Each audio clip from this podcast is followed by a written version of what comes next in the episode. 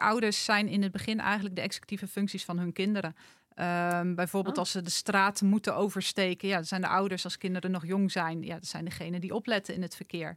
Ehm, ouders bepalen dat we ergens op tijd moeten zijn voor de zwemles bijvoorbeeld. Als een kind nog niet kan klok kijken.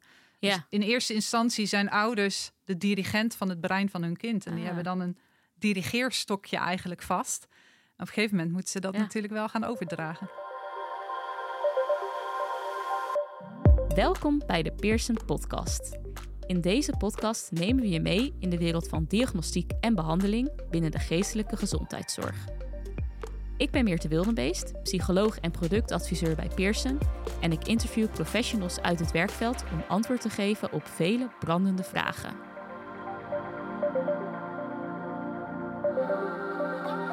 Voordat we verder gaan, nog even dit. Problemen met het geheugen kun je op verschillende manieren constateren. Heel belangrijk hierbij is om te kijken naar de geheugenfunctie bij de uitvoering van alledaagse taken.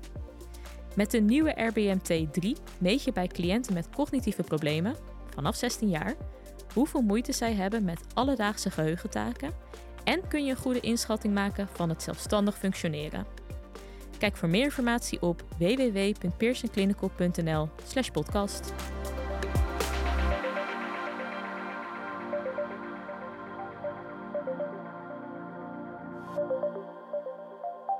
Nou, welkom bij deze podcastaflevering. Ehm, in deze aflevering hebben we natuurlijk weer een eh, hele leuke vraag. eh, die wordt beantwoord door een expert. En de vraag is: eh, welk effect hebben ouders op het executief functioneren van kinderen? En deze vraag die zal beantwoord worden door Willemijn de Kort. Ehm, die zit hier tegenover me. Dus Willemijn, misschien kan je jezelf even kort voorstellen. Ik ben Willemijn de Kort. Ik werk voor Expertisecentrum Leren en Gedrag. Daar werk ik als onderwijskundige en houd me eigenlijk bezig met alles wat met leren te maken heeft. Eh, hoe komen kinderen tot leren? Wat doe je als het niet lukt? Oké, dankjewel. Ehm nee, we gaan het vandaag dus hebben ook over die executieve functies. En dus eigenlijk mijn eerste vraag van ja, wat verstaan we onder executieve functies of executief functioneren? De executieve functies zijn eigenlijk de vaardigheden die je nodig hebt om tot praktisch handelen te komen. Dus eigenlijk alles wat je doet met een doel, waar je een plan voor nodig hebt, wat je echt zelfstandig uit wil voeren, daar zijn die executieve functies voor nodig. Ehm, ja, de wetenschap is nog niet helemaal over eens welke dat dan allemaal zijn. Soms zijn het er meer, soms zijn het er wat minder. Maar eh, over het algemeen wordt altijd wel eh, plannen en organiseren genoemd. Dus het bedenken van een plan en uiteindelijk dat ook kunnen uitvoeren. Eh, taakinitiatie is er één. Dat is het kunnen beginnen aan je werk, maar ook kunnen stoppen. Dat je jezelf, eh, ehm, ja, nu is het klaar en eh, we houden ermee op. Ehm, emotieregulatie is dat je eigenlijk je emoties kunt beheersen ja, binnen bepaalde kaders. Dus niet extreem boos bent of extreem angstig of extreem verdrietig. Ehm, flexibiliteit wordt vaak genoemd, dat je je kunt aanpassen aan veranderingen. En ehm, werkgeheugen is een executieve functie. En metacognitie, dat je ehm, kunt nadenken over eh, ja, wat je gedaan hebt en hoe je dat de volgende keer anders zou doen of nog een keer hetzelfde zou doen. En klopt het dat dat wat meer aan de voorkant van je hersenen zit? Executieve, de executieve functies? Ja, ja, ja, ja. Het wordt voornamelijk aangestuurd vanuit de prefrontale kwap. Oh ja, Ja. ja. dus Ja. inderdaad echt helemaal vooraan Ja, ja. En eh, kan je zeggen dat executieve functies hetzelfde zijn als cognitieve functies? Of is daar ook, ja, zijn, misschien zijn de meningen erover eh, verschillend hoor, dat weet ik niet. Eh, nee, ik, ik denk meer dat een executieve functie ook een cognitieve functie is, maar andersom weer niet. Als we het hebben bijvoorbeeld over geheugen, eh, is dat echt een cognitieve functie die je nodig hebt om te denken, te leren en informatie te verwerken. Cognitieve functie is bijvoorbeeld ook aandacht, je focus ergens op kunnen leggen. Eh, daarvoor heb je taal nodig, dat verstaan we ook onder cognitieve functies. En ehm, ja, ook, ook je visuele beelden, eigenlijk eh, visueel-ruimtelijke omgeving, eh, dat is een cognitieve functie. En executieve functies zijn eigenlijk ja, de dingen die je dan aansturen om tot handelen te komen. Ehm, ja, echt, echt de controlerende functies, dingen waarmee je ook beslissingen neemt. Ja, precies. Ja, Ja. ja. En ehm, ja, als we het dan hebben over die executieve functies, zijn die hè, de, de, de mate hoe, ja, hoe goed je erin in bent. Ik weet niet of je het zo kan stellen hoor, maar is dat aangeboren of is het aangeleerd? Het is, ehm, ja, eigenlijk sprake van allebei. Je hebt wel, uh, het zit in je genen, dus je wordt met een bepaalde capaciteit aangeboren. is ook wel vaak gezegd dat ja, het zijn zoveel executieve functies. Je kan nooit overal heel erg goed in zijn. Dus je hebt altijd zwakkere en sterkere executieve functies. Um, maar omgeving is daarin wel heel belangrijk. Je eigen ervaringen en in hoeverre je uh, zelfstandig mag zijn in alles wat je doet. Um, ja, dat, dat bepaalt wel of je je executieve functies optimaal kunt gebruiken. Ja, dus omgeving is er wel heel belangrijk in, in het ontwikkelen dus van wat je misschien al vanuit uh, ja, genetische dispositie hebt meegekregen. Ja, ja. En is het, ja, heb jij dat bijvoorbeeld bij jezelf wel eens een keertje nagegaan dat je dacht van, oh ja, dit, dit heb ik misschien, uh, had ik vanaf geboorte al mee, wat ik, horen heb, wat ik te horen heb gekregen van mijn ouders en dit heb ik dan daarbij ontwikkeld.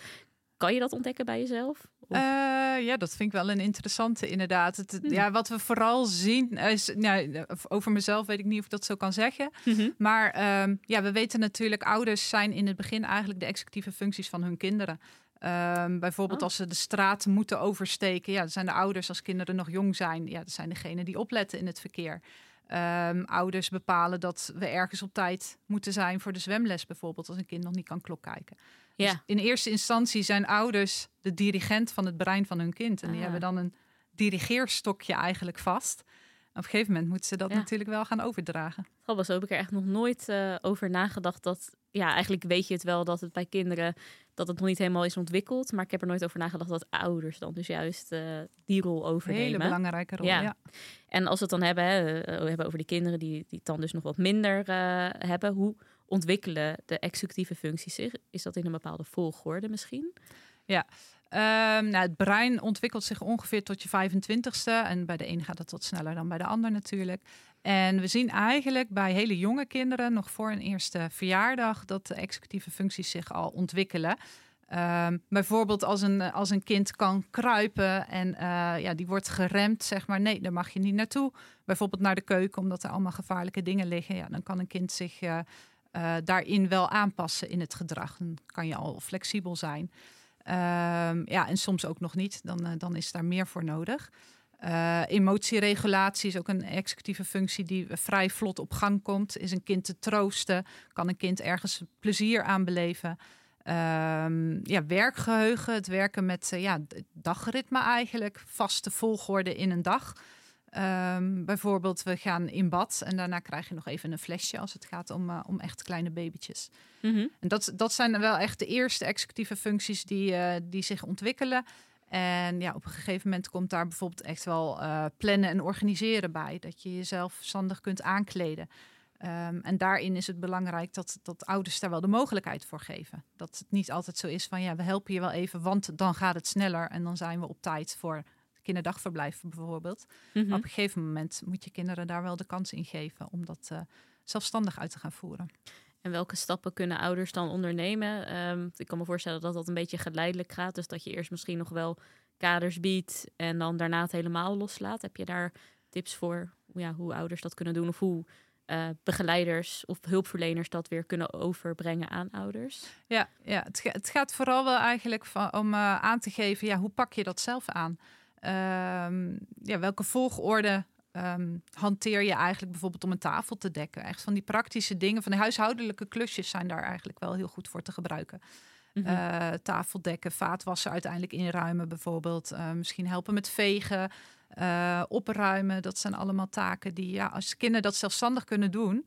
En niet altijd de ouders zijn die, als de kinderen op bed liggen, nog het huis doorgaan en dan alles opruimen dan, uh, ja, dan stimuleer je wel mm. de executieve functie van, uh, van je kinderen. Dus eigenlijk is het een beetje dubbel, dubbele winst. Dus en de ouders hoeven misschien wat minder zelf te doen.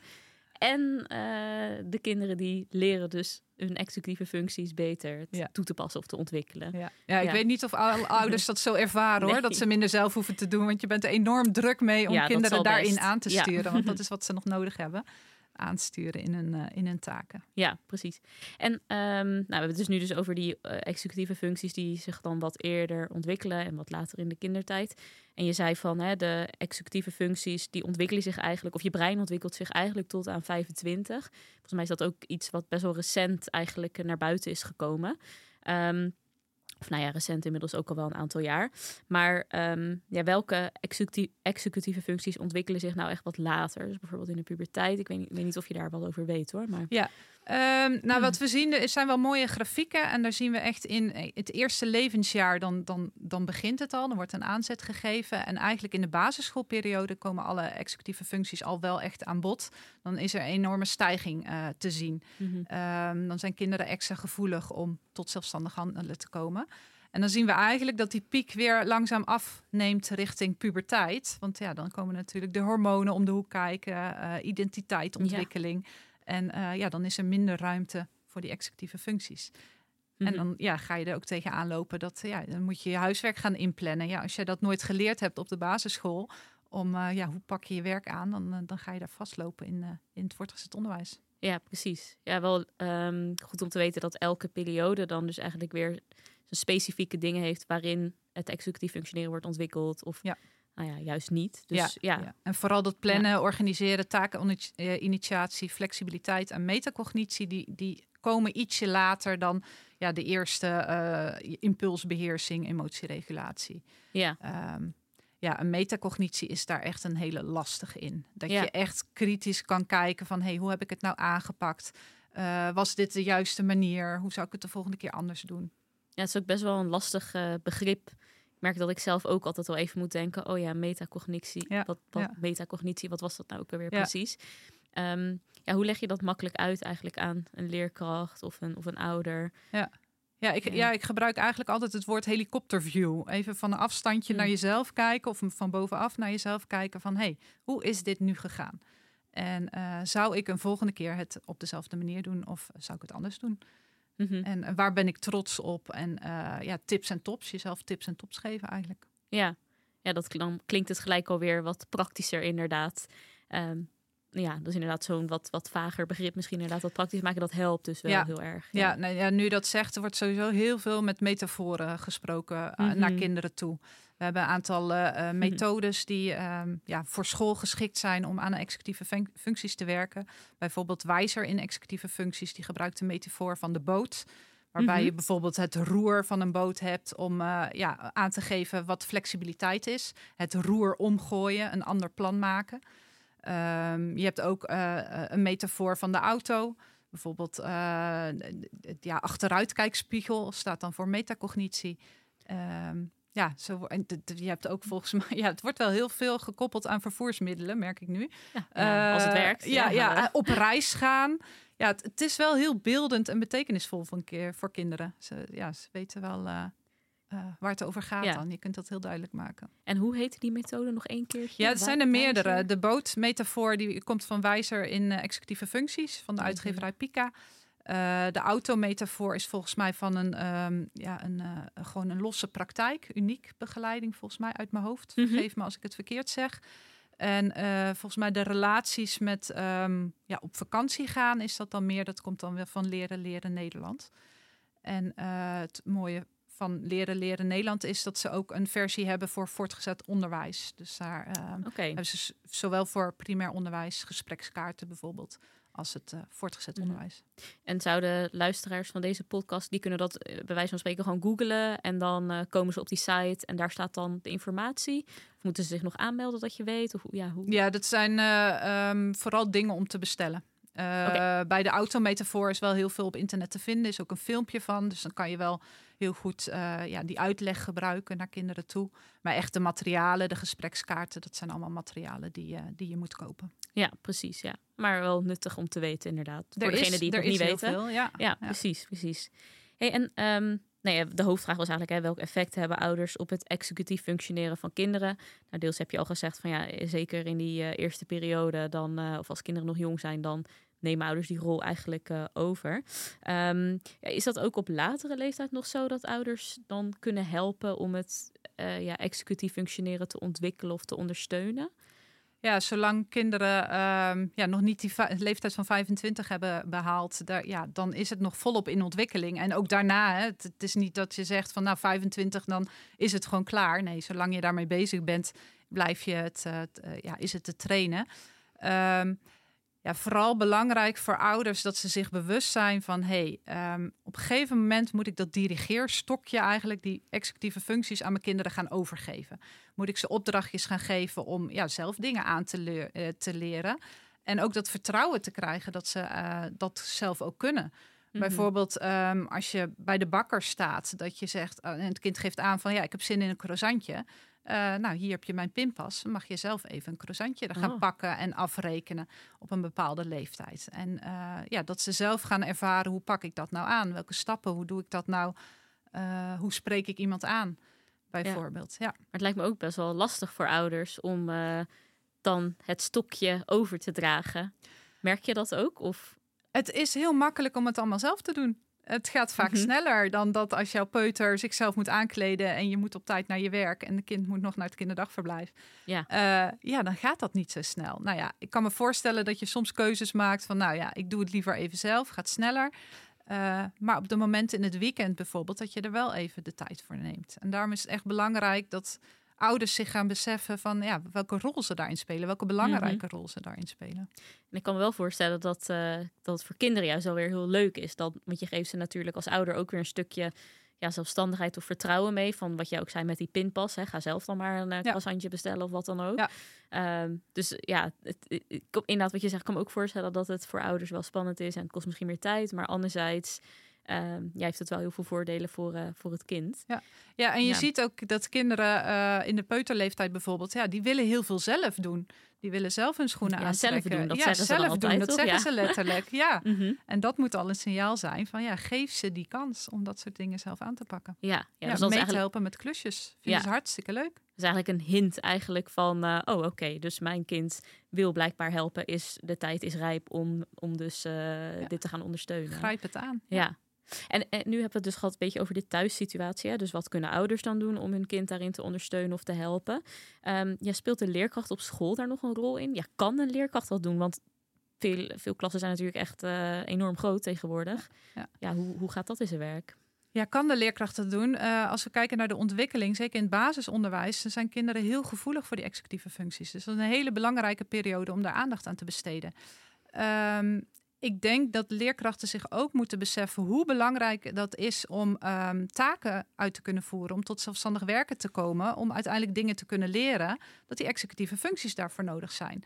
Dus ja, je kunt altijd maar vasthouden aan wat je gewend bent en we geven instructie en nu moet je het zelf kunnen. Maar als je niet bewust van bent dat eh, als een kind niet kan plannen en organiseren en zijn spullen niet voor elkaar heeft, dat hij überhaupt niet tot werken komt. Um, dus ik denk dat het echt wel prioriteit in het onderwijs moet hebben om uh, aandacht te besteden aan executieve functies. Ja, ja en, en hoe zorg je dat die aandacht er dan komt bij leerkrachten? Ja, bij leerkrachten is ze vooral veel mijn verhaal vertellen natuurlijk. En mm ze mhm. bereiken hoe belangrijk het is. Um, maar er zijn echt wel mogelijkheden om klassikaal daar aandacht aan te besteden. Om het gesprek aan te gaan. hey, hoe is jou dit nou gelukt? En waarom lukt het deze keer niet? Um, was je misschien niet helemaal met je aandacht erbij? Was je focus er niet bijvoorbeeld? Uh, wist je niet goed welke stappen je moest nemen? Um, lukt het jou om je laadje op te ruimen? Om uh, je materiaal te verzorgen die je uiteindelijk ook mm -hmm. weer mhm. nodig hebt om uh, in je schrift te kunnen schrijven bijvoorbeeld. En ja. ja. daarvoor zijn die metaforen natuurlijk heel mooi. Die materialen. Breinhelden is ook nog wel een mooie trouwens. Breinhelden. Ja, breinhelden mm -hmm. is echt een methode, kant en klaar, van de kleuters tot en met groep 8. Um, ja, waar eigenlijk een werkboekje en een handleiding hebt om, uh, om hier structureel aandacht aan te besteden. Mm -hmm. ja. En is jouw ervaring dat leerkrachten daar uh, ja, graag tijd aan willen besteden? Want je hoort altijd dat uh, ja, ze half overwerkt zijn tegenwoordig en genoeg hebben aan ja, gewoon de lesstof overbrengen.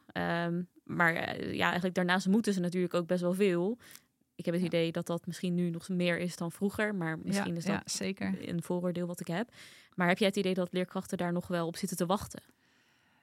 Um, ja, lijkt mij wel. Als je ziet wat het effect heeft, als je kinderen kan helpen om die executieve functies te versterken en je ziet gewoon dat ze van daaruit makkelijker tot zelfstandig werken komen, ja, dan uiteindelijk heb je daar als leerkracht profijt van. Dan hoef je kinderen niet continu aan te sturen van nee, pak je schrift, pak je potlood, zorg dat je potlood een punt heeft bijvoorbeeld ja, dat, dat kost veel meer moeite dan als je dat um, ja, aangeleerd hebt aan kinderen. Mm -hmm. uh, wat doe je als je klaar bent met je werk? Als jij hebt aangeleerd van ja, dan lever je het in. Of je kijkt het eerst na, je levert het in en je pakt uh, werk uit de klaarkast bijvoorbeeld.